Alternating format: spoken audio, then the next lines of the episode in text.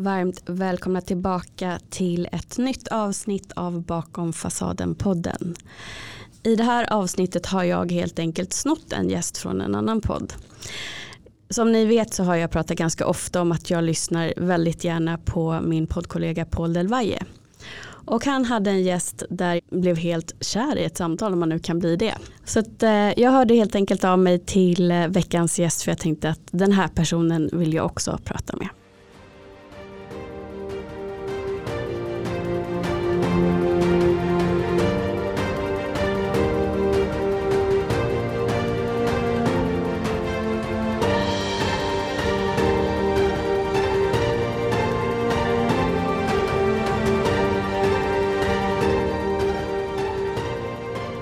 Varmt välkommen Jakob. Tack så mycket Helena. Vilken fin introduktion. Väldigt ärlig. Men jag har lyssnat på ert samtal tre gånger tror jag. För att jag eh, älskar hur Paul tänker. För det första det är därför jag tycker mycket om hans podd. Jag lyssnar väldigt ofta på hans eh, egna sektioner, de här öppna mitt sinne. Men när ni pratade så hade ni sånt bra flow, och ni hade liksom så lika tankar så att det blev som ett enda öppna mitt sinne upplever jag. Mm. Ja, men det var ett trevligt samtal och, och um, efter de interaktioner vi har haft så känns det som att eh, eh, vi trivs ju i det spacet också. Och det med, så jag är inte förvånad att höra att du och Paul delar, eh, delar lika mindset också. Um, och jag och Paul har alltid haft, vi har alltid haft ett bra, ett bra surr. Och det är rätt kul just med, med poddformatet och när man inte ses jätteofta då, då vet man också att nu kommer vi båda liksom komma mycket väl inställda på att eh, tillsammans jobba, jobba djupt framåt. Liksom. Mm. Mm. Men som jag förstått, eh, nu vet inte jag riktigt hur din bakgrund ser ut. Det jag hörde ni pratade om och jag lyssnade även på ert första samtal tillsammans var att ni egentligen hade lärt känna varandra för att ni båda hängde liksom i gymvärlden och Eh, den kan upplevas som ganska ytlig om man tittar utifrån. Att det är mycket ja, fokus på muskeltillväxt och mm, olika angles för att se den bästa bilden. Mm. Um, och därför tycker jag att det är extra intressant när man får liksom komma bakom fasaden på en person som ändå har bestämt sig för att utveckla sin mm. och gå in på sin personliga inre resa. Mm. Jag tänker, mm. Kan du berätta lite hur den har sett ut de senaste åren? Mm. Ja, men eh, ja, bra ingång där. Um, för att referera till, till just det du började med så vi, exakt jag och Paul lärde känna varandra um, ehm, lär ha varit någonstans runt 2014-15 någon gång. Um, då var jag inne i, jag jobbade, jobbade med uh, kommunikation och marknadsföring inom uh, träning och fitnessscenen med allt vad det innebär. Uh, speciellt när den scenen under de åren hade sin stora boom. Um, Instagram exploderade parallellt liksom. Eh, och hela fitnesskulturen etablerade sig liksom eh, som ett eh, sociala mediefenomen och så vidare. Eh, men eh, min, min, min egen resa, eh, allt svårt att veta vilken ände man börjar i så. Eh, yrkesmässigt så, så eh, har jag haft egentligen väldigt många spår i mitt liv. Jag har, har drivits av en, eh, en kombination av, av en nästan liksom manisk nyfikenhet på, på livet. Och på gott och ont ganska orädd för att, att, att följa den.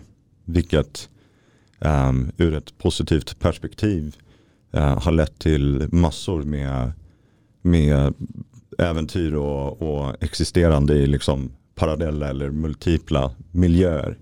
Eh, fått mig att möta och träffa otroligt mycket människor från olika håll och kanter. Eh, såväl som att den livsstilen är ju också eh, ganska sprattlig och äventyrlig och spretig och eh, ja, men eh, spenderade väl i alla fall en 6-7 år med liksom jobba dagtid med som copywriter och kommunikation och reklam och produktion, projektledning och sen parallellt med det jobbade jag som dörrvakt i Stockholm, eh, innerstaden, förorterna och lite privata sammanhang och sådär.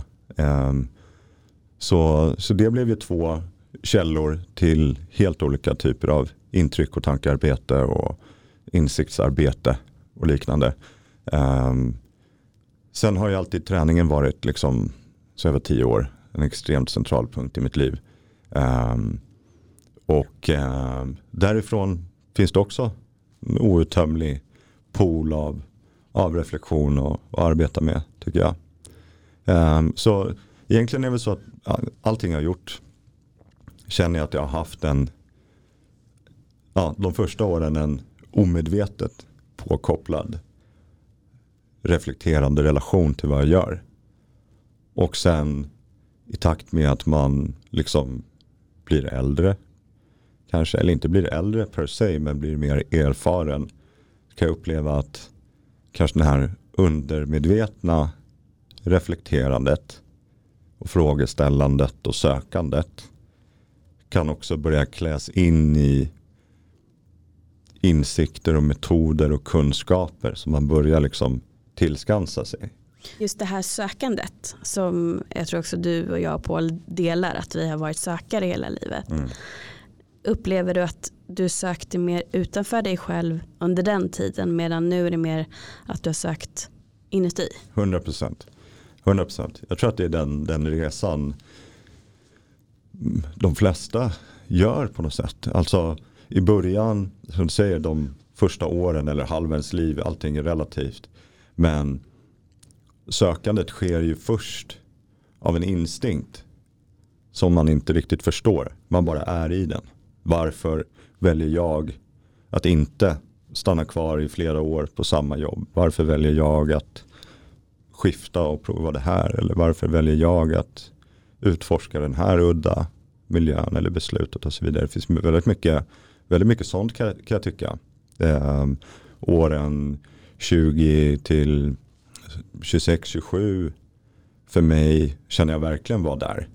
Ett väldigt bara instinktivt nästan mm, jag brukar likna mig själv, eller inte likna mig själv, men likna liksom den känslan av, av att leva, när man liksom observerar djuren. Alltså det är att man du tänker, du tänker inte, det finns en instinkt som för dig framåt. Och du navigerar utifrån vad livet lägger och formar framför dig. Och så har väldigt mycket av mitt liv varit. Eh, Uh, en sökare per definition har ju inte sannolikt hittat svar. Mm. Och när du inte hittat svar då har du inte satt upp något kryss på, på din karta. Utan du vandrar. Mm. Du vandrar och det som kommer runt nästa träd hanterar du. Och hanteringen av det som kom runt nästa träd definierar nästa riktning du tar. Och så känner jag att väldigt stor del av mitt liv har varit. På gott och ont. Uh, nu när man sitter och börjar rätta ut vissa frågetecken och har liksom kunnat börja jobba djupt, djupt i sig själv. Då, då, jag ångrar inte en sekund av det. Men min livsstil by living through it har absolut varit en väldigt frustrerande perioder. Från time to time. Där man liksom så här, men vad, vad, vad gör jag? Vad jag gör här? Jag är där, jag är här, jag är uppe, jag är ner.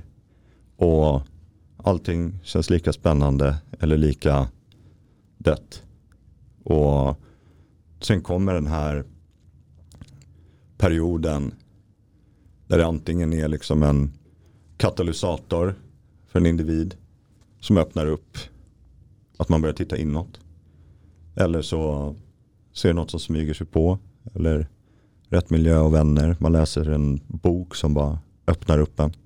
Får en att börja tänka. Det finns ju så många vägar in i det där. Mm. Och för mig var det nog så att jag kan väl känna att någonstans där liksom i övre 20-årsåldern fram till idag när jag klockar in 35 i juni Um, där påbörjade liksom det medvetna, medvetna inre arbetet. Um, det medvetna och kanske också allt mer kompetenta. Och det menar ju då att kompetens i det här sammanhanget kommer ju när du börjar liksom börjar anskaffa dig metoder och förståelse, hittar likasinnade för samtal som låser upp, låser upp saker. Man kan börja utforska, man kan börja utforska med, med medvetenhet och det instinktiva sökandet uh, blir färdigt. Mm. Idag väljer jag att leva genom samma approach. Jag förhåller mig väldigt agil och rörlig inför vad som händer framför mig i mitt liv. Men jag känner att jag nu gör det medan jag håller min egen kompass i handen. Du har en grundtrygghet idag kanske som gör att du kan mer följa med liksom den strömmen som, som du rör dig framåt med. Exakt. Att du vet att så här, jag kommer inte drunkna, jag kan följa med här och det är tryggt. Exakt, exakt, lite så. Det är, det är mm, ja men på något sätt, eh, som du säger, det finns en grundtrygghet i att så här, jag vill inte sluta leva på det sättet. Jag är fortfarande väldigt, bara så här, det som kommer, det kommer och jag observerar det med nyfikenhet och säger nio gånger av tio ja och dyker ner i den här poolen. Men som du säger, när man kan luta sig mot en grundtrygghet, eh, man kan luta sig mot att man vet vad man har sig själv, man är trygg i sin intuition, i sitt beslutsfattande nere i den här poolen. Då blir det, då blir det bara roligt. Mm. Allting. Jag fastnade också för eh, att du beskrev hur du hade hanterat motgångar för jag kände att det resonerade väldigt mycket med det budskapet som jag försöker få fram med att man ska ändå öppna upp för att sitta med ett obehag för att lära kroppen och nervsystemet att det inte är hotande. Mm. Det är inte farligt att sitta i känslor som innebär smärta. Det är så man lär sig att det här var jobbigt och det kommer bli jobbigt igen men nu vet jag att jag kan hantera det. Och på så sätt tror jag att vi just bygger upp den här grundtryggheten inuti. Mm. Som gör att det blir liksom ett ganska lätt verktyg att ta till sig när det är någonting som skaver eller någonting som känns jobbigt. Att ja, men då behöver jag sitta med det här för att jag vet att det funkar även om det är jobbigt för stunden. Mm. Och då förkortas hela processen också när man bara öppnar upp inför det. Mm. Men eh, skulle du bara kunna beskriva lite för, eller för lyssnarna hur, hur du tänker där. Mm. Um, jo men spot on, alltså väldigt väl uttryckt. Uh, jag tycker att det är, det är liksom den approachen eller det konceptet som du beskriver uh, är enligt, enligt min tro kanske den liksom borgmästarnyckeln in till en människas välmående. Att undersöka, och förstå och applicera det förhållningssättet till smärta och trauma. Till ångest, till stress. Um, att förstå den relationen för mig förändrar allt. Allting. Vi, uh, vi spenderar ofta en extremt stor del av vår existens där, där, räds, alltså där våra, våra, våra liksom ramverk är satta utav våra rädslor. Mm. Och du vet, liberation from fear och att ta emot kärlek. De två bitarna, det är för mig den sanna liksom pulveriserandet av allt som skaver. Um, rädsla är det som får oss att bli, bli rigida. Att, uh, som Björn Attico säger, knyta handen. Oh, uh, att hålla i. Uh, rädsla stoppar oss från att våga älska. Rädsla stoppar oss mot självinsikt. Um, rädsla stoppar oss för att följa våra drömmar eller ens lyssna in. Vad är mina drömmar? De kanske inte är här, de kanske är någon annanstans. Um, så just den rädslan i alla dess former återfinner man ju ständigt i liksom sitt arbete med, med, med känslor. Vi är rädda för att känna det jobbiga. Men vi inser inte att låter vi rädslan kontrollera liksom våran skräck för att någonting kan kännas jobbigt emotionellt eller fysiskt också. Men jag skulle säga att den emotionella rädslan ger oss större problem. Mm. Um, det, det, där skapar vi, precis som du sa också, bara en utdragen friktion, friktion som inte leder oss någonstans. Förutom mycket sannolikt in i ett destruktivt spår. Men har vi modet, styrkan, verktygen att trust and surrender så du vet, utan att kunna grunda det i en, i, i en liksom vetenskaplig analys. Men jag skulle säga till 99,9% fördelaktigt resultat på andra sidan av att sitta med det. Mm. Och det pratar vi mycket om i podden med Paul.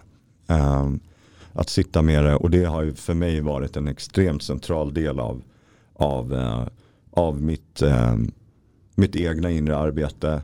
Varför jag känner att jag är uh, jag känner att jag är i en väldigt bra och kontrollerad relation av vad som försiggår mellan mina tankar och känslor, vad som försiggår inom mig och därigenom också vad som försiggår utanför mig. Mm. Um, och det, det föddes genom, genom, eh, genom sådana processer. Um, och det, jag, jag upplever att det föddes skarpt genom, genom en process. Alltså, jag nämnde tidigare liksom en katalysator. Um, en av mina katalys katalysorer var, var ett, eh, ett uppbrott efter en lång relation. Och den här klassiska liksom börja om på noll sekvensen i ett liv. Och att sitta i, att sitta i, i en plats i sitt liv där det någonstans när, när jag gick igenom det för eh, fem, snart sex år sedan så hamnade jag och kunde verkligen se mig själv sitta med liksom som en, en vågskål i, i båda händerna. Och i ena handen låg alternativet rädsla. Och rädsla i en sån situation inför emotional trauma. Det blir ju att stänga, knyta och söka upp någonting där det blir lätt att begrava. Mm. Och sen hoppas att det blir bra på andra sidan. För mig till exempel hade det garanterat varit att liksom knyta, knyta en säck runt hjärtat, stänga av hjärnan, och sen överstimulera mig in i vad som sannolikt hade varit lite mer destruktiva miljöer. Mm. Um, I andra handen låg liksom den öppna handen, hjärtat. Kan jag sitta, kan jag känna, kan jag gå in i djupt i varför det blev så här. Varför jag hamnat här. Vad det finns att lära sig här. Och vad som väntar på andra sidan. Och jag valde att göra det där och då. Ehm, um, känner väl att liksom det arbetet var väl en intensiva liksom två, tre månader av att först liksom bara deala med du vet, sorg och vemod efter en liksom djup kraschad relation. Um, djupa, djupa självinsikter och um, ego crashing för att fejsa liksom ens egen delaktighet i det som har lett fram till situationen. Um, och att inte fly liksom. Uh, släppa tårar när tårar kom. Uh, och ja, men som jag sa, ego crashing det svåraste av allt. Att faktiskt bara, hallå, nu är det dags att bara lägga ut din egen bild i det här. Vad var det du gjorde? Vad är det för delar av dig som du inte har faktiskt recognizat? Mm. Att du skuggsidorna. Har, skuggsidorna, exakt. Så det, det, det var mycket, mycket arbete med skuggsidorna. Och någonstans också måste all form av sånt här arbete enligt min åsikt mynna ut i den sista fasen som är acceptans, kärlek och förlåtelse. Mm. Till alla inblandade men också till dig själv. Jätteviktigt. Det är där någonstans som, som cirkeln sluts. Och du kan börja vandra framåt. Och min vandring framåt genom det arbetet har liksom sedan dess bara varit en, en perfect rainbow.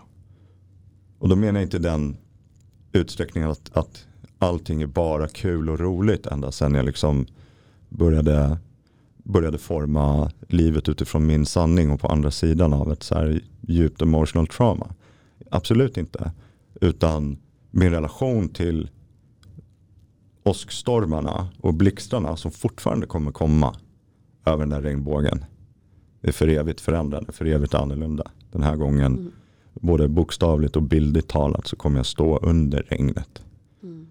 Mm. Med en blixt som slår ner i träd och jag kommer bara tycka att det är svinfascinerande, lite läskigt men också häftigt. Mm. Um, och någonstans så blev liksom den katalysatorn för, för mig blev också en benchmark. Att nu vet jag att av det som kommer komma, inte vad som än händer, för saker kommer hända. Dig, mig, alla, eller hur? Det är så, livet. Så länge vi älskar, då finns sorg på andra sidan. Förlust finns på andra sidan. Så länge vi lever och tar för oss och exponerar oss så finns ju risken för smärta tillbaka. Mm. Så är det.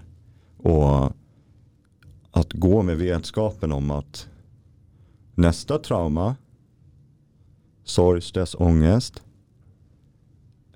kommer jag också sitta igenom.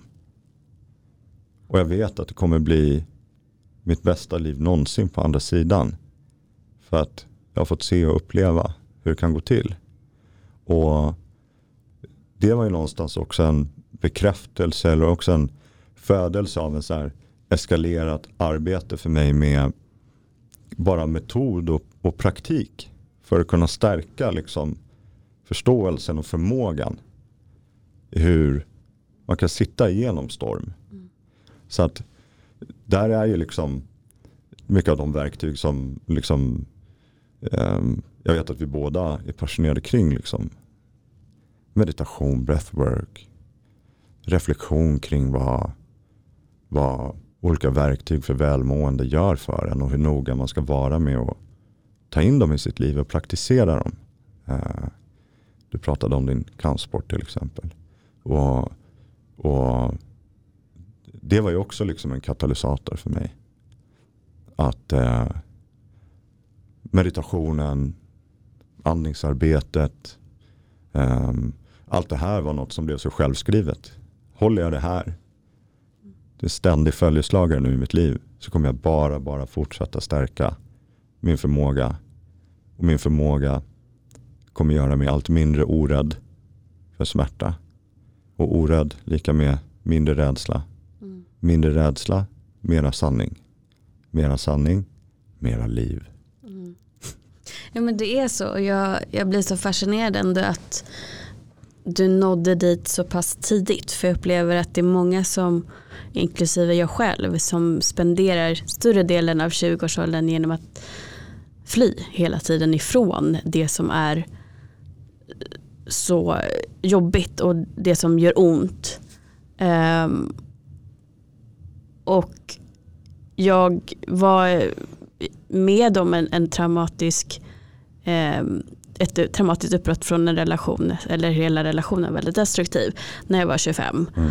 Och då gick jag i terapi efteråt och tyckte väl att ja, men nu, nu är jag hel, nu kan jag fortsätta leva. Men vi hade ju egentligen aldrig gått till botten till orsaken.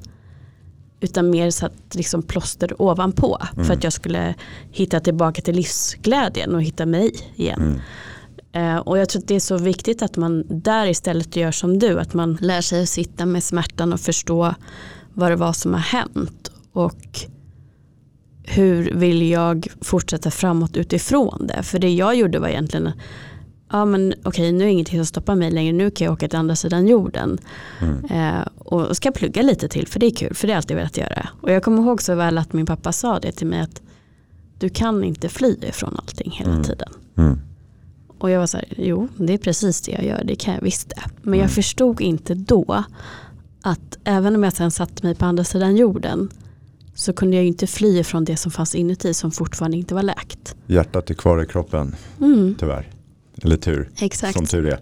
så att jag önskar verkligen att mm. alla som framför allt, nu kanske inte har den största målgruppen just i den åldern, men jag hade jättegärna velat höra just det som du berättade när jag var i den åldern. För det här är ingenting vi får lära oss i skolan. Nej, Utan har vi turen så har vi människor kring oss som kan lära oss det när vi hamnar i de här situationerna.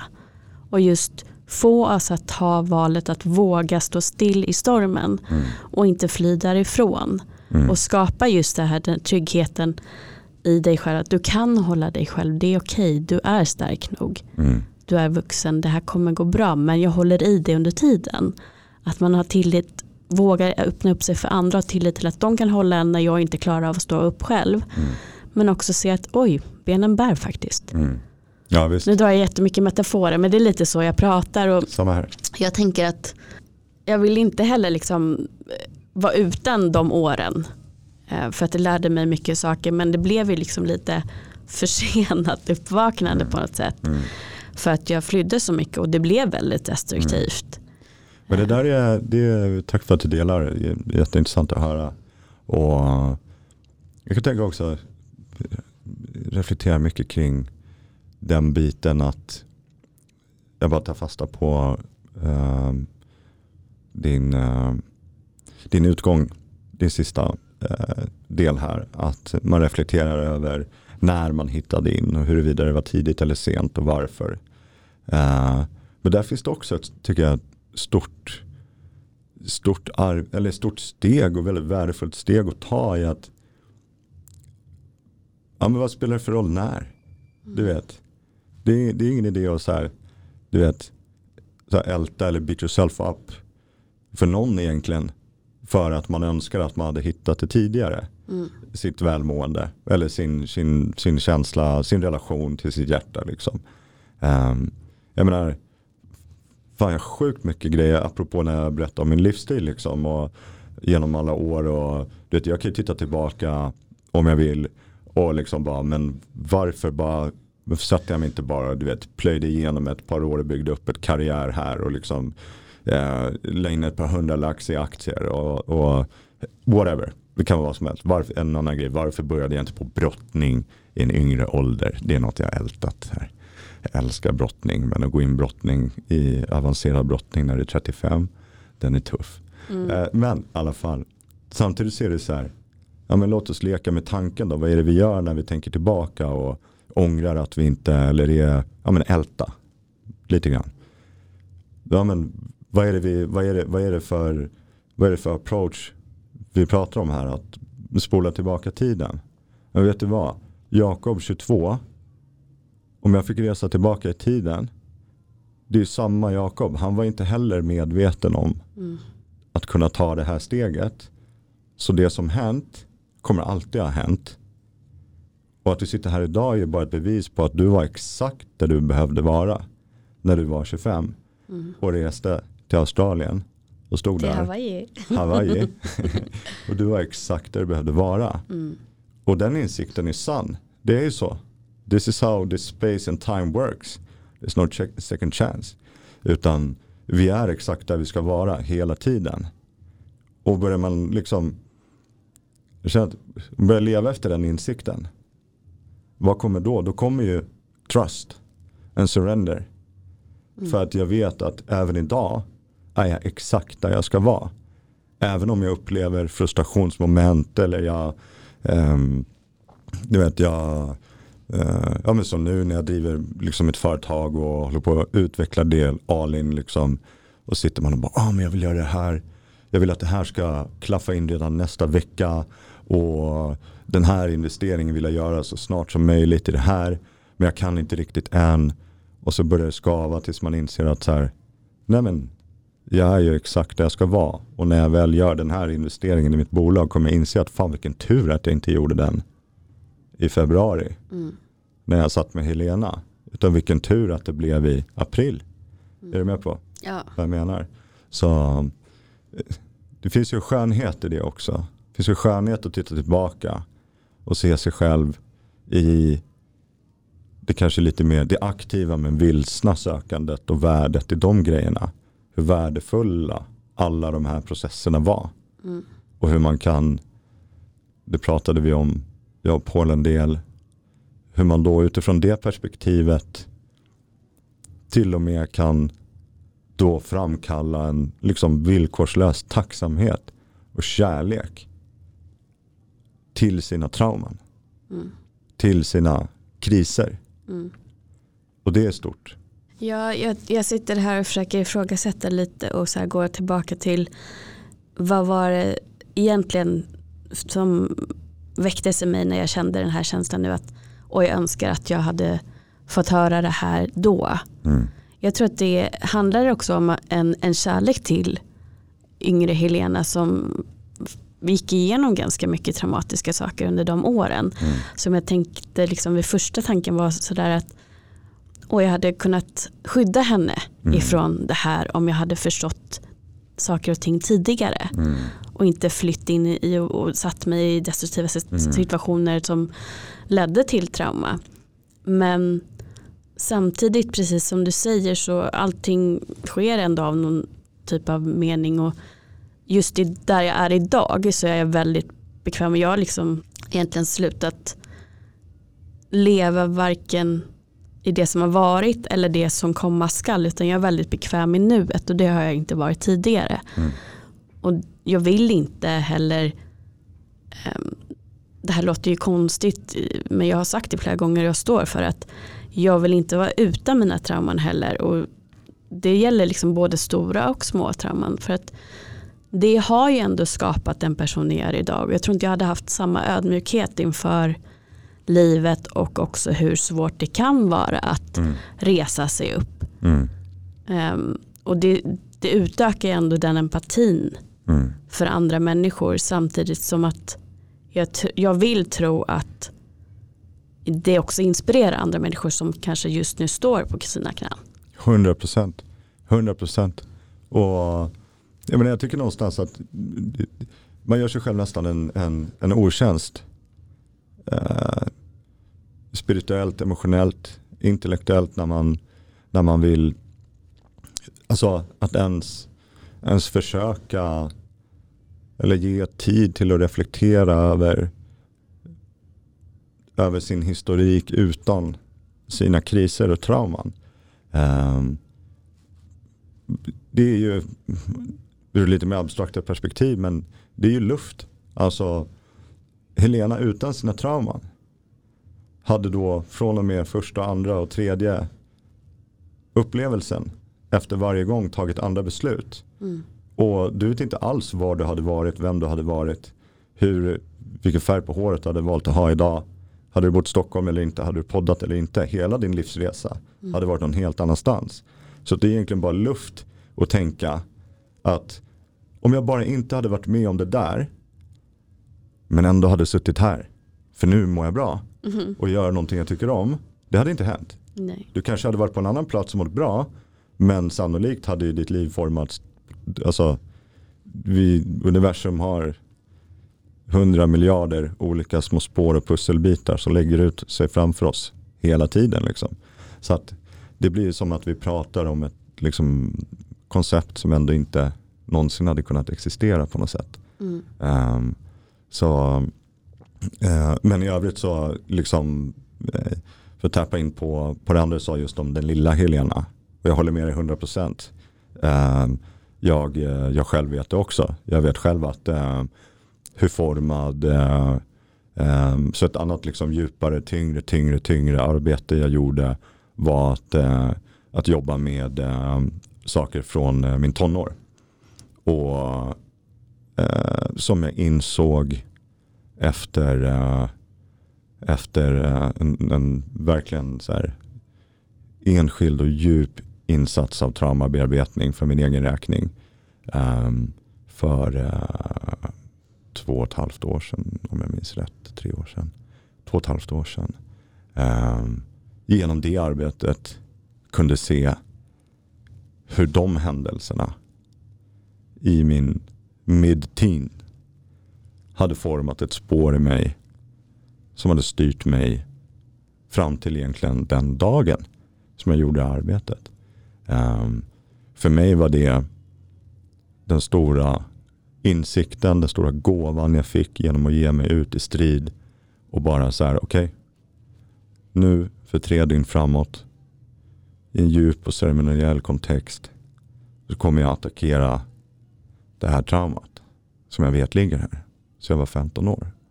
Och gräva i det och bända i det och uttala det. det är det jag ska göra. Och det jag fick på andra sidan av det var ju självinsikten om att jag hade levt i en villfarelse om vad självkärlek var. Alltså insikten om att jag inte har älskat mig själv. Mm. Så som riktig självkärlek är. Mm. Jag har trott att jag gjort det. Men jag fick känna det för första gången. Någonstans i 30 års ålder.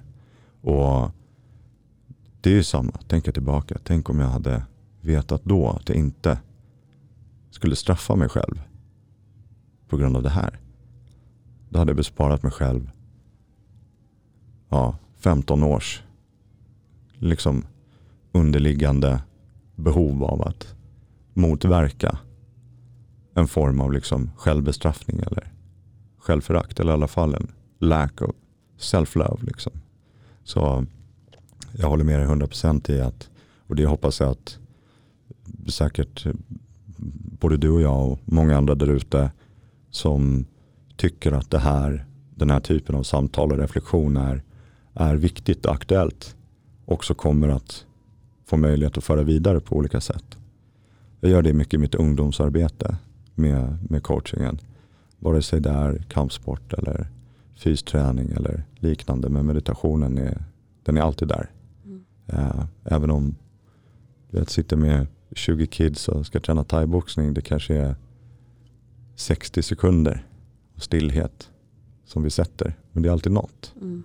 Det är alltid ett första litet insteg. Och sen hitta, hitta sättet att prata med yngre människor om de här, om de här koncepten som är, är ganska, kan bli ganska abstrakta. Liksom. Men vad är, vad är det, vadå? Och då jobba i sig själv. Liksom. Ja, andas, det gör vi hela tiden. Och meditation, man ska sitta och räkna får och vara tyst. Liksom. Ja, men starta där i alla mm. fall. Så kommer saker börja öppna upp sig. Men men där, där någonstans kan man börja bygga den här relationen och få det här helikopterperspektivet tror jag framförallt. Och inse att vi är inte våra känslor. Uh, och inse, precis som Björn Attergård säger, um, vår hjärna ljuger för oss ganska ofta.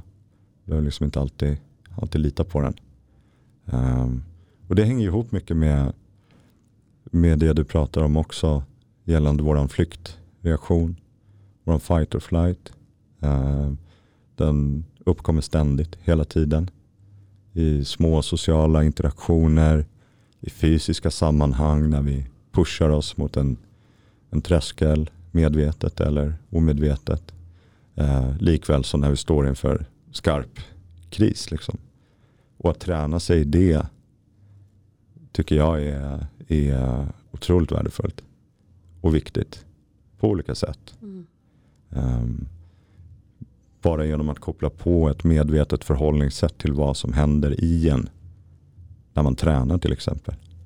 Ehm, alla mina sessions med mig själv eller med klienter är, är, har en konstant närvarande strategi över att också reflektera över och se sina flight reactions.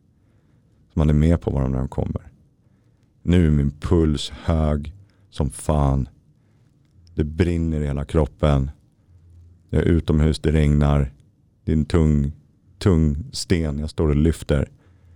Och du vet när du kommer upp i den här och hjärnan bara skriker. Nu är vi klara. Efter det här, we're good. Jag kan inte mer. Mm. Men så vet du bara att koppla på din metodik. För mig handlar det om andning, det är det jag lär ut. In, in, in action, flight reaction, handlement. Lös din andning, and you're back in the game. Mm. Och insåg att den där flyktreaktionen, den var lögn. Den var här och vinkade, ville sno min attention och sen flaxade den vidare om jag kunde sitta lite. Mm. Och det där är, det löper igenom allt. Det är våran, våran, våran reaktion när vi går ut på trottoaren också. Råkar gå in i någon sån här magiska hundradelen där det liksom är.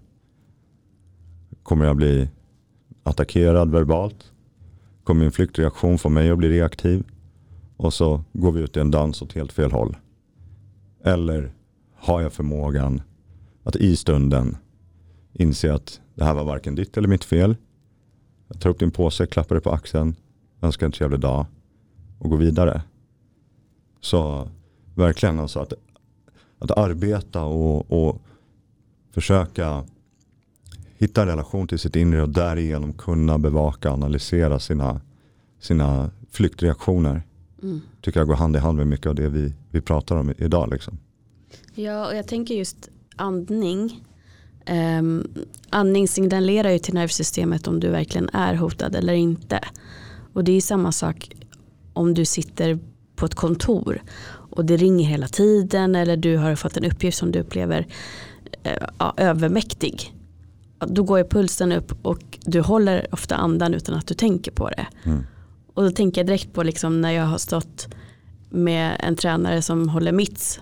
Och så, Helena, andas, andas. Mm. För jag, de, de kommer på mig att jag liksom stryper andningen för att jag ska vara så fokuserad och förutse nästa grej. Mm. Um, och sen när jag kommer tillbaka till andningen och liksom fattar att nej men vänta, jag tappar ju skärpan om jag inte andas. Mm. Mm. Och istället kan gå ner och okej, okay, nu kör vi. Och det är samma sak som jag kör dagligdags om det är någonting eller bara som en skön vana att mm. djupandas några gånger mm. och känna hur kroppen reagerar. Bara mm. känna de här små signalerna som att det är lugnt, slappna av och känna hur kroppen går ner i varv. Mm. Det tycker jag är väldigt bra om man har ett intresse för kampsport för att det är så många lager av du lär dig eh, inte bara att slåss som det kan synas på andra, liksom utifrån men utan det är väldigt mentalt mm. träning också. För att du måste lära dig att vara lugn och förutse och liksom få det större, större perspektivet. Mm. Även om någon är nära in på dig. Mm. Och hålla dig lugn i stressade situationer. Så det, liksom, det färgar ju hela ens liv när man 100%. hamnar där. Och även om jag inte är aktiv idag eh, så märker jag att jag har liksom benefit from it. Mm. Jag har fortfarande med det i, mm. i livet. Och för mig så var det väl inte alls därför jag gick in i och började träna utan där var det mer att det är någonting jag alltid velat göra men jag har inte vågat. Jag har känt mig som att jag är för gammal, jag är för dålig. Jag, liksom, idrott och jag var inte någonting som jag var, hade talang för. Och det skapade ett stort motstånd och framförallt rädsla. Medan när jag gick ner där och kände mig välkommen och kände mig faktiskt för en gångs skull bra på någonting så var det en vinst för yngre jag som hade fått höra att du springer inte fort nog eller du är inte bra på det här och sådana saker. Men också att få faktiskt slå mina demoner. Mm. Så det var så många olika skal mm. av det hela som gjorde att jag verkligen älskade det. Och sen så får man ett underbart endorfinrus, det ska vi inte glömma. Ehm, men just att det är så mångfacetterat mm. som de som inte är insatta i kampsport förstår. Mm. Ja det är så sant. Det är så sant. Är, skriver under på allting du säger. Det, det har varit min, min stora passion ända sedan jag slutade med fotbollen vid, vid 18 års ålder. gick direkt in i kampsport. Um, och det har varit min följeslagare ända sedan dess. Nyfiket, utforskande åt, åt flera olika håll. Liksom. Um, alltid varit väldigt fascinerad av kamp. Uh, hur djur slåss, strider, människor, det strategiska, det fysiska, men framförallt det mentala, emotionella. Um, jag brukar nästan säga att, så här, att du lär dig att ta vara på dig själv fysiskt, out there in life, det är bara en sån här beautiful bonus av vad kampsporten kommer skänka dig. Precis som du säger i form av direkt applicerbara färdigheter i ditt dagliga liv som är subtila. Um, jag som till exempel har, har uh, um, jobbat i, inom liksom säkerhet eh, fram tills för några år sedan så pass länge. Det har blivit, där blev det ju verkligen ställt på sin spets. Um, och att stå liksom på, utanför en nattklubb en hel kväll och ja, men, hantera kanske 2000 individer i olika state of minds och även observera utifrån liksom hundratals interaktioner mellan, mellan gäster.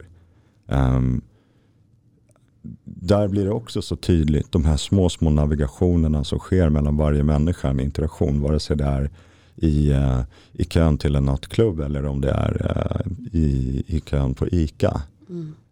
Och det hela är ju någonstans ett pussel som byggs av hur respons och reaktion ser ut per hundradel, steg för steg. Och med den tryggheten som kampsport ger en i sig själv. Inte bara är så här, ah, jag vet att jag kan ta vara på mig. Det kan ju vara så att man vet att okej, okay, men den här personen eh, väger 200 kilo. Det kommer bli kanske tufft ändå, även om jag har tränat lite. Inte, inte riktigt den biten, utan snarare bara vetskapen i sig själv. Att så här, jag har varit med om att få pressure. Mm. Och har fått utforska hur det är. Den vetskapen ger ju dig en utgångspunkt inför den här interaktionen som är på ingång. Det är den som kommer få dig, knappt ens medvetet, undermedvetet, att inte knyta händerna över bröstet och se defensiv ut. Det är den som kommer få dig att våga le och leda energin in till ett annat space. Det är den som kommer få dig att våga stå rak även när det första försöket till offensivitet eller negativ delivery kommer från andra hållet. Mm. Och det, det, det tycker jag det är, en sån, det är en sån enorm gåva. Det var faktiskt, jag kommer ihåg när jag valde att börja jobba som dörrvakt. Uh, jag tror jag var 20. Jag ljög mig in i dörren. Jag gick ner till en krog och tog på mig dubbla tröjor. det såg lite, lite extra stor ut och sen bara, nej men, nej men jag har kört förut. Alltså. Det, det är lugnt alltså. Jag, jag är erfaren. Men själva insteget för mig var ett, ett starkt inre behov av att, så jag var inte främmande för, för våld, men ett starkt inre behov av att jag behöver utreda vem jag blir och gärna växa inom det med vem jag blir när jag står inför absolut pressure och måste vara stilla. Det vill säga att du går in i en yrkesroll mm. där du utsätter dig eller kommer bli utsatt för hot, stress och eventuellt risk för våld. Och Det var mitt insteg redan då just för att så här, jag måste veta vem jag blir. Um, för att jag hade både sett det där och såklart hundratals gånger genom de åren och i de miljöerna också. Se människor liksom tappa hela sin being. När det första, det första liksom action och pressure händer. Okej, okay, låt mig illustrera till exempel um, stor och tuff och kaxig man kommer fram och någonstans kanske tar upp ett hotfullt space, skapar en sån dynamik och sen pang åker på sin första lavett. Och någonstans så bara rinner allting ut. Man fryser. Man blir stiff. Uh, bara ögonen slås ner i backen och ja, det finns liksom, man blir, man blir ja, som, som en rådjur på, på motorvägen när billyssna kommer. Och för mig att observera sådana sekvenser stärkte ju ännu mer. Att här vill jag aldrig landa. Mm. Jag vill veta exakt var jag landar. Om någonting smäller till. Och den här kontexten flyttar jag gärna ut från att det handlar bara om, om liksom våld. Alltså det handlar om all, all form av kris. Det blir om, om, om eh, det helt plötsligt gardinerna tar eld. Lägenhet, ett rum tänds på 25 sekunder. Liksom är jag samlad? Mm. Eller kommer jag frysa? Mm. Och det är det jag brinner för att lära ut idag också. Uh, I synnerhet till individer som, som verkligen förtjänar att få gå genom livet med den tryggheten i sig själv. Jag är inte intresserad av att lära ut det jag har att ge till människor som vill använda det i dominanta syften. Utan mycket hellre tränar jag en annan kategori av människor. Liksom. för att man ska kunna vara trygga. Jag har två systrar att få lära ut, att få lära ut eh, kampsport och mental, mental träning och, och, och styrka till, eh, till, eh, till unga, till, eh, till, till, till kvinnor. Det är ju det är verkligen någonting som jag brinner för att kunna dela vidare till exempel. Eh, men eh, ja, nej men kampsport.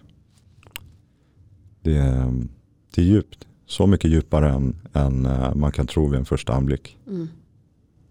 Men jag blir ändå nyfiken, vad, vad, kommer det här ifrån att du väljer att möta saker liksom head on mm. istället för att fly och springa iväg ifrån det? Mm. Bra fråga. Eh, det ska bli kul att reflektera lite live kring det. Ehm, men någonstans är det väl grundat i en oräddhet på något sätt. Um, orädd inför att utforska det okända. För mig drivet av nyfikenhet. Um, snarare än drivet av nyfikenhet per se blir det orädsla. Mm. Um, men också kanske en djup liksom e- existentiell drift i så här, vad är det här livet? Mm. Jag måste in, måste in och titta. Och gärna titta in i, i de lite mer annorlunda miljöerna. Eller miljöer som kanske är långt ifrån mig. Uh, det kombinerat skulle jag säga med det som jag nämnde tidigare. Att det också fanns någonting i mig redan från, uh, från de händelserna i mina tonår. Som också väckte någonting. Uh, en del, om vi pratar relaterat till min fascination för för kamp. Mm. Uh, för uh, jag hade ju av någon anledning liksom alltid så här, det vet jag inte varför egentligen, men det har funnits också någonting i mig som bara så här, jag brukar skämta om det, driva lite om det som så här macho hybris. Men av någon anledning så har det alltid varit, ända sedan jag var sju år gammal, det är liksom träning, stor, stark. Om vi lekte riddare då, var jag, då skulle jag, oh, men jag, är han, eh, jag är han som har så här dubbelyxa och du vet, två meter lång. Mm. Så det funnits någonting där som eh, mycket sannolikt också är kopplat till en del av det traumat som fanns med i mig. Som fanns med i mig att så här, jag ska rusta mig själv mm. för resten av mitt liv. Så att ingen kan röra mig. Så att ingen kan komma åt mig. Så att jag kan skydda min familj och de jag älskar. Um, det här är ju sena reflektioner mm. kring det här. Uh, men för har varit nödvändiga. För att jag också behövt förstå varför, varför, uh, varför har en del av mig alltid velat fostra mig till en, uh, till en mm, vad ska man säga, till en krigare. Um, och det är väl en kombination av liksom flera olika spår i en. Men jag tror att man kan hitta någonting både ur det ljusa och det mörka när man ska förstå ganska tydliga spår. Men sen har det följt med mig genom livet och jag har många kapitel i mitt liv där jag medvetet har fortsatt eller attraherats in i, i oortodoxa miljöer. Alltså jag menar tio år som, som dörrvakt parallellt med kontorsjobb och, och det livet. Men dörrvaktslivet, natten, kampsporten, miljöerna, människorna förde mig också in med liksom hull och hår in i liksom nattmiljöerna. Ljusskygga miljöer. Eh, oortodoxa människor, människor som, som, lever på andra sidan om lagen. Eh, och ja, men liksom mycket sådana miljöer. och det har väl kanske varit en, den, en del av det spåret i mig att kunna behärska de flesta spår som livet kan, kan slänga framför en på något sätt. Mm. Och det kan mycket väl vara rotat i en känsla av att vilja rusta sig. Um, en fin grej utifrån den drivkraften att bli stor, stark och kapabel. Varför liksom träningen och muskler och tatueringar och sådana attribut. Um, som säkert är, är födda av en liten kompott av det jag beskrivit. Men något som varit fint att se från det, det är också så här. Så jag är tatuerad, jag är tatuerad på halsen, du vet massa sådana grejer som man liksom gärna vill, vill förknippa med en viss typ av personlighet. Jag blir dömd hela mitt liv. Jag tycker det är bara lustigt, det är bara roligt. Ehm, det är väldigt lätt att döma mig som hård, kriminell, aggressiv. Eh, om man bara, vad vet jag, ser mig på andra sidan gatan. Det är i alla fall någonting jag har fått till mig. Ehm, mycket genom mitt liv. Ehm, jag har tänkt mycket på det där.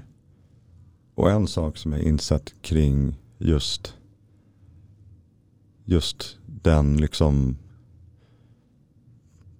ja, men skalet som du bygger. Som håller dig. Din, farkost, din kropp, ditt utseende och så vidare. Um, har gett mig en, en, en underbar möjlighet kring att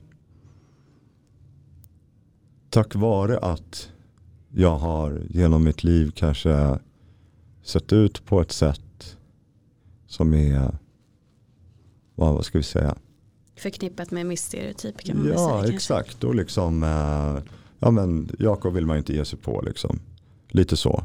Och vissa till och med, men gud vad, vad läskig han ser ut liksom. Eller är han farlig eller så här. Och det har inte riktigt varit ett medvetet val att bara, åh jag vill se farlig ut, jag tycker det är skitcoolt med, med det. Det har inte varit det, utan det har bara varit ett, så här, någon slags bara utveckling av mig själv. Men det har gett mig möjligheten, har jag insett, att hela mitt liv, vuxna liv, har jag kunnat leva med snälla ögon. Mm. Tack vare att min rustning har gjort det möjligt för mig att vara sårbar. Förstår du vad jag menar? Mm. Eh, det har gjort det möjligt för mig att sitta ner med varje ny människa jag träffar och bara skänka värme direkt. För att jag inte har behövt minsta behov av att hävda mig eller skydda, min, min, skydda mig själv i situationen. Uh, för där tror jag att det är, det är annars en ganska vanlig fälla. Åter tillbaka till en form av rädsla. Att uh, du, behöver, du behöver skydda dig själv i en interaktion. Du behöver vara, hellre döma först och vara lite, vara lite defensiv och hård först innan du vågar slappna av och visa att du är you got a warm heart. Mm. Uh, och det, det är jag på ett sätt tacksam över att uh, mitt liv förde in mig till den typen av rustning. Uh, har gjort att jag har kunnat leva genom hjärtat. Mm. Jag känner igen väldigt mycket i det du säger. Och jag, jag har funderat ganska mycket på sista året också. Det här som, varför har jag känt ett behov av att prata om ja, men också för mig som egentligen känner mig, har jag kommit fram till, mest bekväm i det feminina essensen. Har ofta satt på mig väldigt mycket en maskulin rustning och just pratat om att ja, men, eh, jag lyfter så här tungt eller jag, jag kan slå så här hårt. Och sen varför gör jag det? Varför vill jag bygga upp min mm. rustning? Eh, så som du beskriver istället för att liksom landa i att ja, men jag är trygg, jag kan bara ta emot kärlek och liksom vara mer i det feminina flowet. Eh, vilket inte kom förrän jag började ifrågasätta mina egna tankar lite mer som en vana. Mm. Än att bara okej okay, nu var det någonting så obehagligt. Utan hela tiden när det är någonting som jag känner att det här var inte riktigt jag. Mm. Men det var jag som sa det. Mm. Eller det var jag som agerade så. Men det skaver. Så det är inte autentiskt. Mm. Men jag tror att dels är det någon typ av att vilja skydda de runt omkring en. Som är att man sätter på sig den här mm. rustningen. Eh, men också in, ja, sin sårbarhet som mm. man vill skydda mm. innerst inne på något sätt. Mm. Så jag, jag, identifierar mig mycket med det du säger. Men det, det är väldigt intressant också att höra någon annan säga och sätta ord på det. Mm. Eh, måste jag erkänna att första gången när jag hörde dig prata så visste jag inte hur du såg ut. Och jag kan beskriva hur du såg ut i mitt huvud. Mm. För att jag blev väldigt chockad. Jag såg ju då en, en man i slutet av 40-årsåldern. Jag hade missat att du sa hur gammal det var. Eh, smal, lång och lite mer den här eh, urtypen av klokis. Mm. liksom. eh, så jag tänkte liksom att du såg lite ut som, jag kommer inte ihåg vad han heter, men han har skägg och lite längre hår som eh, liksom sitter och säger kloka saker i media. Mm. Och så blev jag så chockad liksom, när jag såg hur du såg ut för att jag fick inte ihop just bilden av hur du ser ut med det intellekt du har Mm. och de tankarna som rör sig Mm. och det du uttrycker. Men samtidigt var det så himla häftigt för att jag verkligen försökt eh, och haft ett medvetet, en medveten intention att också få sätta mig framför en stereotyp som jag har och ett dömande som jag har och faktiskt lyssna på det som ligger bakom. Precis som jag också valde att göra med eh, Peter Nilsson och Madeleine Måfjärd som eh, gick ut med sin relation tidigare och där de har en stor åldersskillnad och Mm. satt där med okej vad har jag här för tankar först och var kommer de ifrån? Mm. Var kommer mitt dömande ifrån och sen lyssna på dem och också få skifta perspektiv, skifta åsikt Mm. och bara välkomna det som kommer.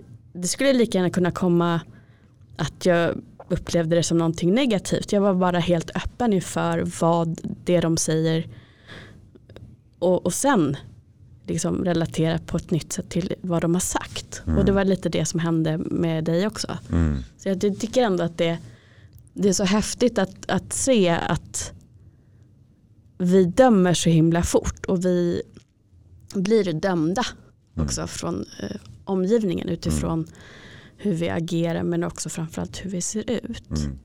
Verkligen. Det är, för det första så ska du ha stor respekt för att du tänker så, att du gör så. Att du bjuder in till att utmana och kan se din egen judgment och liknande. Det är ju väldigt få som klarar det. Och att dessutom styra sig själv in i det, det har jag mycket stor respekt för. Tack. Um, och um, förutom det så var det kul att höra hur min spirit, spirit, spirit uh, person ser ut. Kanske jag om uh, 30 år. Spara ut uh, långt grått hår och skägg. Men uh, jag tycker att det där är ett jätteintressant tema. Uh, det har ju varit story of my life. Um, det gjorde väl min, min liksom första, väldigt lustigt faktiskt. Det har jag tänkt på också, men som min, den första halstatueringen är ju alltid en liksom, it's a major move. Now you can't hide yourself. Mm. Skjortan döljer inte längre. Och jag gjorde ju, så min första halstatuering var att skriva ordet hope med fet stil, tjocka svarta tryckbokstäver, typ 10 gånger 8 centimeter stort på hela sidan av min hals. Jag visste fan inte ens varför jag gjorde det. Jag bara gick och gjorde det. Och någonstans så är jag så jävla glad över att jag gjorde det. För att instantly så på något sätt flyttade jag ur mig själv ur ett spår. Alltså jag flyttade in mig själv i ett spår där nu är det bara jag och det jag sänder ut som människa som är mina verktyg. För att det här på pappret har kanske skjutit ut mig från eh, "Åh, hur ska du, vad ska folk tänka på en arbetsintervju eller tänk om du vill jobba på bank eller whatever. Men jag sköt ut mig själv i ett spår där jag vet att oavsett vad jag rör mig nu genom livet och- miljöerna jag trivs i kommer betyda att det sannolikt är miljöer där man inte dömer. För om någon dömer mig på andra sidan gatan, fan, vad ska jag göra åt den saken? Mm. Jag har sannolikt inte träffat den människan. Och jag vet att om jag får 30 sekunder med den människan, då kommer de gå hem och kolla i spegeln och fundera på att de kanske inte ska döma längre. Men eh, det var bara varit en intressant, apropå det här som vi pratade om, eh, alltså jag byggde min rustning för att kunna leva med öppet hjärta. Och någonstans så tror jag att även tatueringarna har varit en liksom under, under, undermedveten väg av att ställa mig själv i en fristående position och inte behöva förhålla mig till några idéer eller normer eller konventioner överhuvudtaget. Mm. Um, men uh, men uh, judgment generellt, det är fascinerande varför vi människor har sånt behov av att, av att jobba med liksom titlar och identiteter och, och förväntningar utifrån en persons utseende. Vilket är, och jag gör det själv. Alltså, det är klart, det gör vi alla liksom. Så länge man kommer på sig själv med det. Eller gör som du och de facto faktiskt, nu sätter jag mig på en stol och utmanar min judgment. Um, och, och, men att vi har det behovet är, är fascinerande. Um, för mig så har relationen till det um, haft en, en, en bra utveckling helt enkelt genom min livsstil. Så alla de olika miljöer jag har varit i genom ett liv har också innefattat mycket nära vänskap med personer som på pappret har en hel lista av saker de skulle kunna bli dömda för eh, av människor. De har kanske en lista av saker de är dömda för av samhället. Mm. Människor som har suttit i fängelse. Eh, att träffa och med god självkännedom och intuition på människor kunna se att här finns ett varmt hjärta och ett skarpt intellekt. Och jag vet också att den här personen har liv på sitt samvete. Eller grova brott på sitt samvete. Den kontradiktionen förändrar en djupt. Och inser att vänta nu. Nu luckrades ganska stora ramar upp här. När jag ser äkta värme, när jag ser äkta själ. När jag ser äkta vänskap.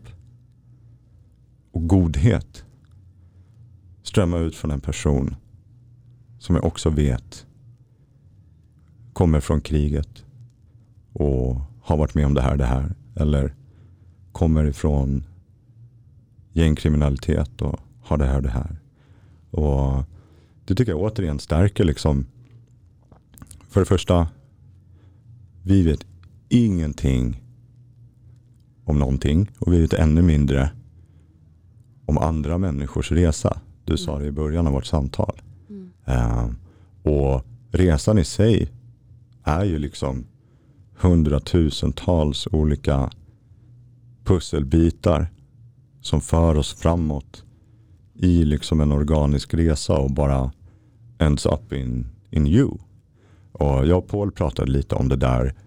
Um, till exempel, jag nämnde även där hur alltså, min, min, din, hans nyfikenhet på människans sinne, det mänskliga beteendet, uh, våra inre resor och liknande.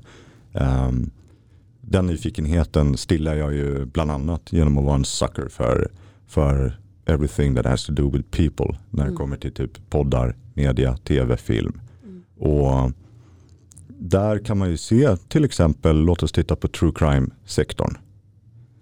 Där, där får vi ju tydligt se hur ett liv och en serie händelser och en serie reaktioner, och emotionella responser på de händelserna över tid kan föra en människa in i en miljö där de aldrig trodde att de skulle vara. Göra saker de aldrig trodde att de skulle göra. Och eventuellt vidare ut ur den miljön. Tillbaka eller finna sin sanning. Eller åt andra hållet in i ett livstidsfängelse på grund av ett fruktansvärt brott. En person som fyra år tidigare var en helt vanlig Svensson. Uh, och det tycker jag är, är, finns mycket sant i det. Det finns mycket, mycket att ta in i det. Vikten av kontext i allting. Liksom. Uh, för mig är det jätteviktigt att kunna se förbi en människas olika, vare sig det är attribut men framförallt liksom även tidigare beteenden eller nuvarande beteenden. Jag har vänner som kan vara skitknepiga. Deras hjärta är gott. Själen vill väl. Sinnet är öppet. Sen finns det demoner som kommer in och ut. Men jag är okej okay med dem. Så länge jag känner att frekvensen är värme och kärlek. Det spelar ingen roll om den här personen har en tendens att fladdra iväg dit eller kämpa med perioder av snedsteg och kanske missbruk. Du vet, sådana här grejer bekommer mig inte ett dugg.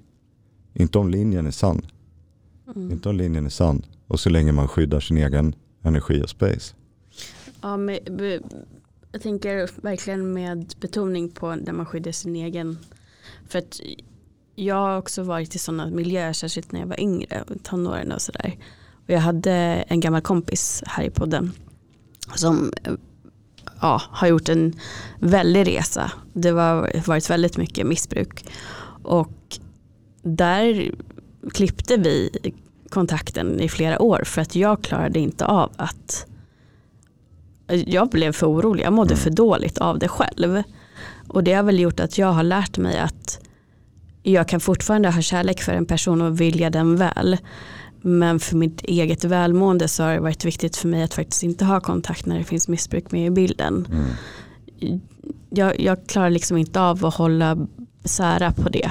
Mm. Precis som det är också därför jag väljer att inte eh, jobba som terapeut eller coach eller sånt där. För att jag ser inte riktigt hur jag helt ska kunna bara okej okay, nu är sessionen klar, nu ska jag inte grubbla på hur den här personen ska må bättre. Mm. Eller liksom ta med mig jobbet hem på det sättet. Mm.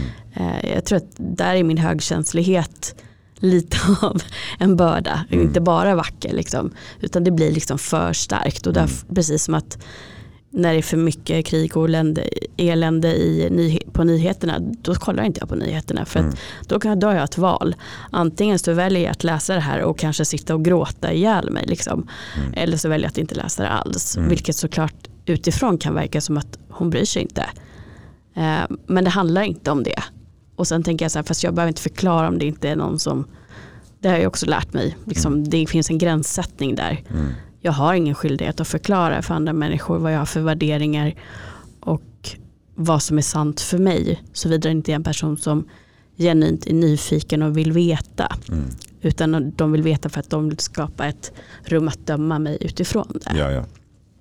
Så det är lite olika men jag förstår hur du menar och jag tycker det är fint också att du kan eh, välja att se liksom bakom fasaden på, mm.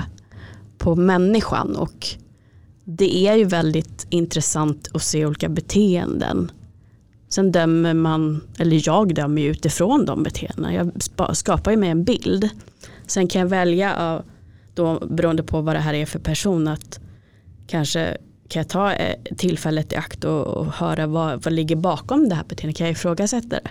Men är det till exempel på tv mm. så är det ganska svårt. Då blir det ju lätt att man skapar sig en bild av de personerna. Och jag tänkte till exempel på Bachelorette med när det mm. var män i grupp som jag blev väldigt provocerad av hur de betedde sig.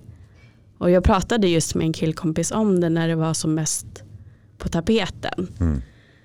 Och jag vet att vi hamnade lite i, jag tror inte vi riktigt förstod varandra där för att han kände liksom att ja men, nu, nu sätter du dig över dem och, och vem säger att du är bättre än dem? Mm. Och jag var så här, men det har jag inte ens sagt, hur kan du tro det? Jag menar, jag menar bara att jag tycker det sättet de beter sig hur den här personen uttrycker sig är åt helvete. Mm. Och jag blir provocerad av det. Mm. Samtidigt som att hans frågor fick mig att reflektera över vad det egentligen för känslor som växer i mig. Och då tror jag att jag kom fram till att det är att jag har otroligt svårt för orättvisor. Och när en person blir utsatt för någonting som jag upplever som är orättvist eller eh, mobbad eller något sånt där. Då går liksom beskyddarinstinkten på mm. i mig. Mm. Och då kan jag bli väldigt aggressiv. Mm. Och det var liksom det som gick igång där. Mm. Men kände du att din, eh, din respons då blev mindre legitim? Eller förstår jag menar? Att du mm. liksom Kände du att du behövde ge utrymme för att du eventuellt var fel ute där eller? Nej, jag behövde nog bara ge uttryck för vad var det egentligen som mm. Väcktes i mig. Mm. Att det inte handlade om att jag såg ner på dem som människor. Utan det handlade om att det här beteendet väcker det här känslan i mig. Mm, som väcker den här reaktionen. Mm. I sin tur att liksom var tvungen att utforska Mm.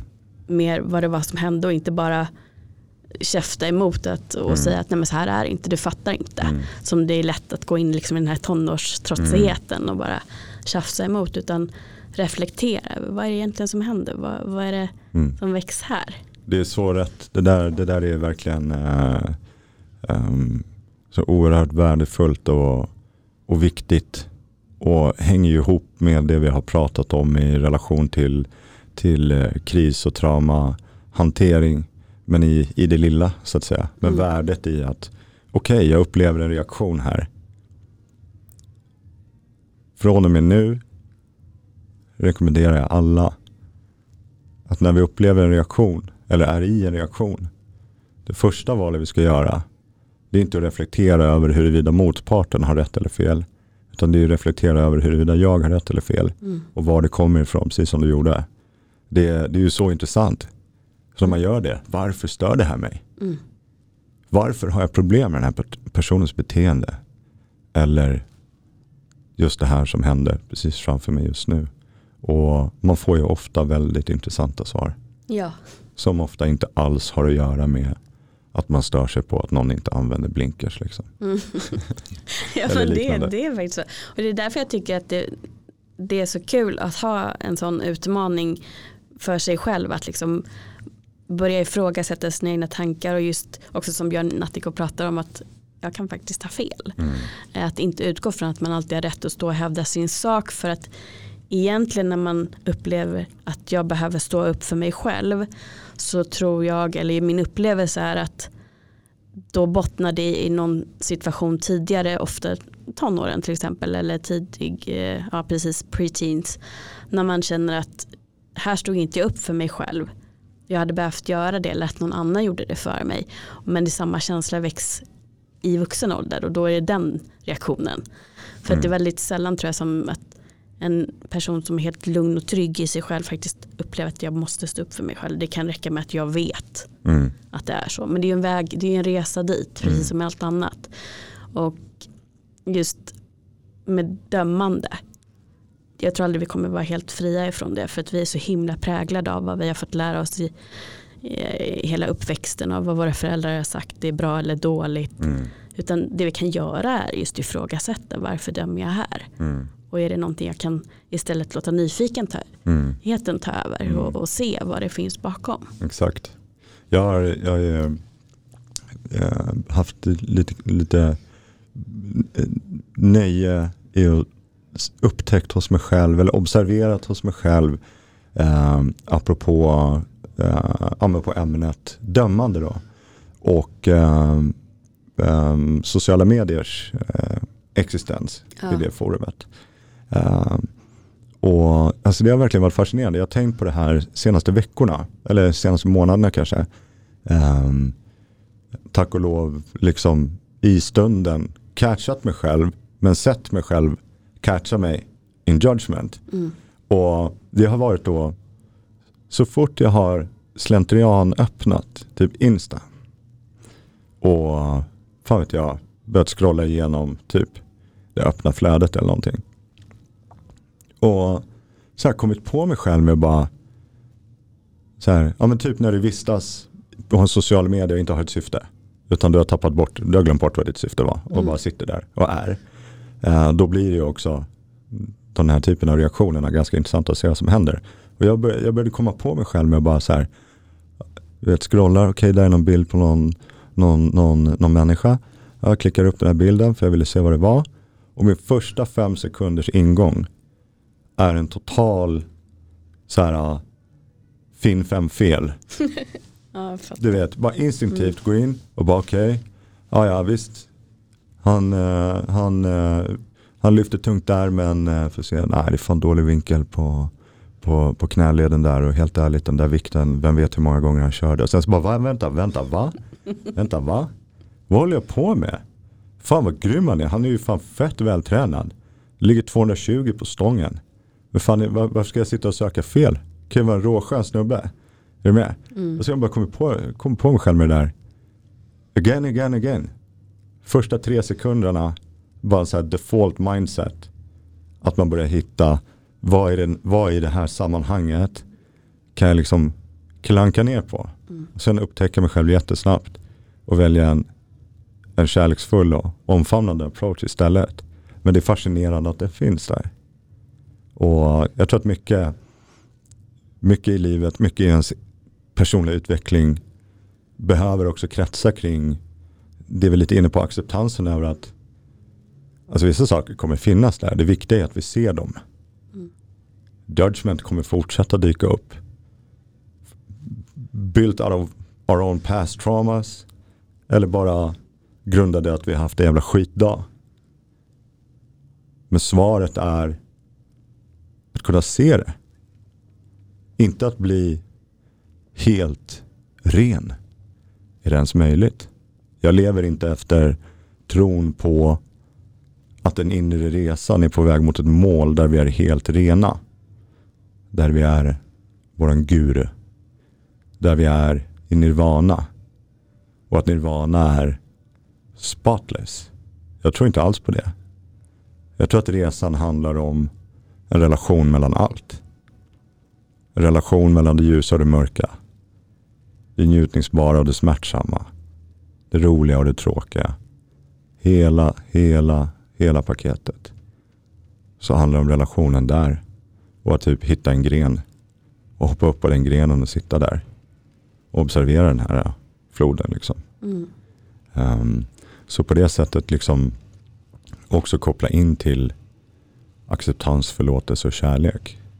Det mantrat. Um, för om vi svänger in på det spåret som vi pratade lite om innan vi satte igång. Med resan, in i resan, att jobba med sig själv. Att upptäcka hur det är att jobba med sig själv. Att upptäcka att det är en ganska fantastisk känsla och, och liksom kunna nå insikter och navigera och verkställa dem och applicera dem och sådär. Um, att det är ju det är väldigt, det är väldigt lätt att då falla in också i en så här konstant judgment av en själv och den kommer bli livslång. Om man ska se sig själv som misslyckad varenda gång man inte vare sig åt en perfekt tallrik mat eller varenda gång man kom på sig själv med att typ döma någon eller bli arg på någon eller ha en reaktion på någon. Det, det, det kommer bli en frustrerande livsresa. Mm. Om man ska förhålla sig till, till den tron att om jag bara gör så här då kommer jag liksom achieve full purity. Mm. Jag kommer aldrig någonsin tänka en svartsjuk eller avundsjuk eller dömande tanke. Mm -mm. Om de kommer, de kommer. Men se dem, titta in på dem, förstå vart de kommer ifrån och sen låt dem flaxa vidare. Ja, men handlar inte det också om att jag tror att i början när man har bestämt sig för att nu vill jag göra en förändring eller jag vill leva den här livsstilen som jag har sett och jag tycker det verkar så bra. Jag tänker också lite grann på Björn eh, Natthiko när han började som munk och hade svårt med meditationen och han somnade och Mm. eh, liksom kände så här, gud nu gör jag ju fel. Medan jag tror att jag ser också många människor som vare sig om det är att man väljer att jag vill ha en fitness lifestyle och då ska det vara de här banden mellan knäna och göra sumo squats och, Mm. liksom, och bygga rumpa. För det är Mm. det alla andra gör och det är det, se, det, är det jag ser. Eller att um, man ska vara en typ av um, ja, häls, hälsomental guru och då ska du ha, ja, nu utgår jag bara väldigt starka stereotyper som jag upplever dem. Men jag ser många då som liksom börjar klä sig på ett helt annat sätt. De ska ha näsringar, de ska meditera och de ska ha ritualer varje nymåne och fullmåne och de ska vara veganer. Mm. Och det är inget fel med det om det är den personen du känner att du genuint är. Men det jag kommer fram till efter ja, lite drygt två års eh, resa att försöka skapa större medvetenhet. är ju att jag har ju gått på samma liksom, nitar eller återvändsgränder. Okej, nu måste jag gå tillbaka och, och liksom, det här var inte så som, som jag var. Det funkar inte för mig att tro på. För jag tror att då, då man fortfarande utanför sig själv och letar. Mm. Och sen så kommer man närmare och närmare inut, inuti och förstår att det är egentligen det som är viktigt, att hitta sin egen sanning. Vad är sant för mig? Mm. Och du känner ju faktiskt efter i kroppen mer och mer och lär dig känna hur det känns när någonting inte är sant versus när det är sant. Mm. För det skaver när det inte är sant. Mm. Om du lever ett liv som ska se bra ut på ytan, om vi då ska dra parallellen till social media och skapa ett varumärke som vi alla har blivit där på något sätt. Mm. Jag tycker också att det lyser igenom om det är genuint eller inte. Mm. 100%. Så att det jag hoppas att alla också tar med sig från det här samtalet är ju att det finns inga rätt och fel. Och jag vet ingenting om dig. Mm. Men jag har börjat lära mig väldigt mycket om mig själv. Mm. Och det, det, är det jag kan stå för. Mm. Sen om det resonerar i dig som lyssnar eller inte, det är ingenting jag kan styra över. Mm. Gör det det och det hjälper dig framåt, ja men då stärker det mitt syfte. Mm. Men det är helt okej om det inte gör det heller, för jag har fortfarande en trygghet i att det är mitt syfte. Mm. För att mm. dit har jag nått och jag letar inte svaren i gurus eller livsstilar eller någonting på Instagram längre. Jag kan mm. inspireras av olika människor. Mm. Mm. Ja men spot on. Jag, jag, jag håller med dig. Håller med dig 100 procent. Uh, vi, uh, vi vet ingenting om någonting. Ju djupare man går i sig själv, ju djupare man går ovanför sig själv och upp i universum så blir ju den meningen bara allt mer stärkt. Uh, tycker jag.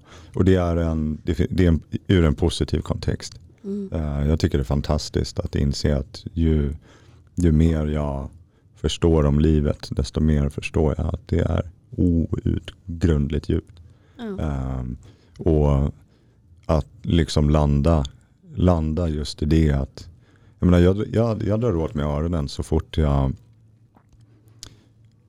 samtalar med en person som gärna pratar om de enskilda svaren. Den resan gjorde jag såväl praktiskt inom liksom fitness, livsstilen och bara titta tillbaka på det som bankades in i huvudet på mig och mina vänner när vi var 18-19 och liksom stod i, i, i linnen och flexade och man blev tillsagd att det här, det här, det här är det som gäller. Du kan titta nu så här 14-15 år senare och det är så här varenda science-based rule from that time har blivit omkullkastad. Mm. Liksom. Och återigen, jag nämnde lite grann ordet kontext och det gäller för precis allt. Um, du kan inte säga till en människa att så här och exakt så här ska du meditera eller dricka ditt protein eller lyfta din vikt eller whatever. För att du måste ta med en kontext som består av tusen pusselbitar. När vill du träna? Hur vill du träna? Hur mår din kropp? Hur ser din miljö ut? Hur mår du när du är inne på gymmet? Du kanske ska vara utanför, utanför gymmet. Du kanske har en passion för natur som du inte har upptäckt. Det är kanske där du ska vara. Du vet, mm. i slutändan, det brukar jag säga till mina klienter också. Till exempel om vi pratar om diet eller om vi pratar om processen och utformningen av deras liksom specifika program. Att det vi kommer landa i, det kommer vara det perfekta. För det kommer vara det som blir gjort för dig. Mm. Och det är där vi ska vara. Det är din lösning. Det är ditt program. Och så tycker jag verkligen att det är i, i, genom, genom alla spektran av livet. Och just att stöta på någon som pratar om sig själv ur ett liksom guru-perspektiv i någon fråga. Mm. Men till exempel inom spiritualismen, för där står de ju som spön i backen. och för mig är det oftast den första, the first tell av att vännen jag tror att du är ett antal bra steg längre bak än vad du faktiskt tror att du är. Absolut. För att du sitter nu och pratar ur ett upplevt förhöjt perspektiv. Vilket för mig är en major setback att ha den outlooken. Jag börjar vakna. Jag börjar få insikter. Jag börjar känna mig enlightened. Jag pallar inte med alla andra. Alla andra är tappade. Hur kan du och jag, Helena, vad kan vi göra för att väcka människor? Du vet, can't stand it. Då har man missuppfattat stora frågor, tycker jag. Ja. Och det, det är väl lite kontentan också tänker jag med, med det vi har pratat om idag. Att det är så viktigt att liksom lyssna på olika saker och ta till sig och vara lyhörd för hur känns det här i mig, är det någonting, jag funkar, någonting som funkar för mig. Men också att inte någonsin tappa sin nyfikenhet. För att jag tror någonting som du och jag delar, eller en av de många saker vi delar, är just att vi har liksom fötts in i den här världen med en enorm nyfikenhet. Och sen vad vi väljer att göra med den.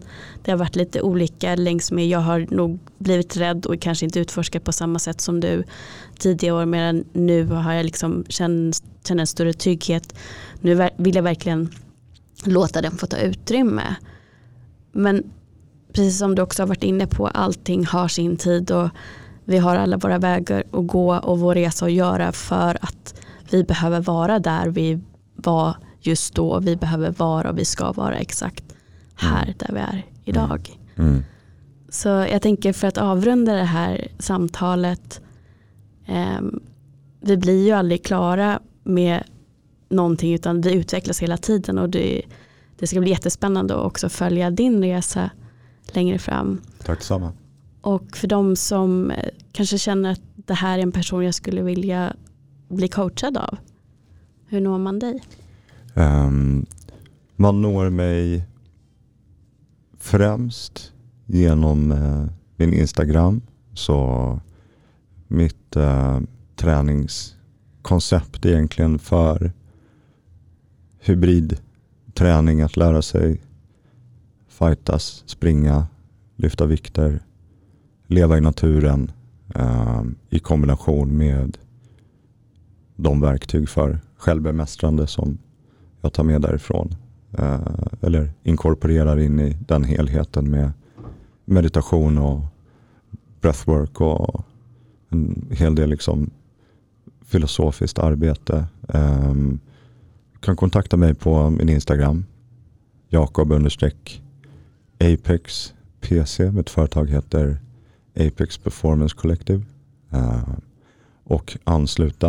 Eh, det är en spännande tid nu där vi kommer expandera till grupp och teamverksamheter eh, och även ungdomsarbete. Så vi har en stor lansering på ingång efter en liten på månaders smygstart med privatklientel. Så ehm, för min del så är det så här att jag, det är min livskraft att möta människor. Precis som du och jag gör nu. Och vare sig du vill skriva hej eller spana in vad det är jag pratar om och förhoppningsvis få en vettig bild av min filosofi. Um, säg bara hej så kommer jag säga hej. Och så ser vi vad det mynnar ut i. Mm. Um, så man får mer än gärna höra av sig om man är nyfiken. Eh, det, är, det är en stor passion för mig att eh, äntligen få, få dela vidare allting jag samlat på mig. Eh, och tacka dig för det här samtalet också. Det är mycket stimulerande att sitta ner med dig. Ser fram emot att få bjuda in dig till min kommande podd också. Ehm, och någonstans en linje som jag tycker att, att uh, du och jag har pratat om idag och som du uttrycker väldigt, väldigt bra också. Um, och liksom ta med sig att om vi bara om vi bara börjar jobba med verktygen som tillåter oss att titta inåt. Då får vi den låda vi behöver för att kunna göra det viktigaste av allt. Och det är att kunna sitta still när det blåser. För om vi sitter still när det blåser, då kommer varje sekund i våra liv vara perfekt så som de ska vara.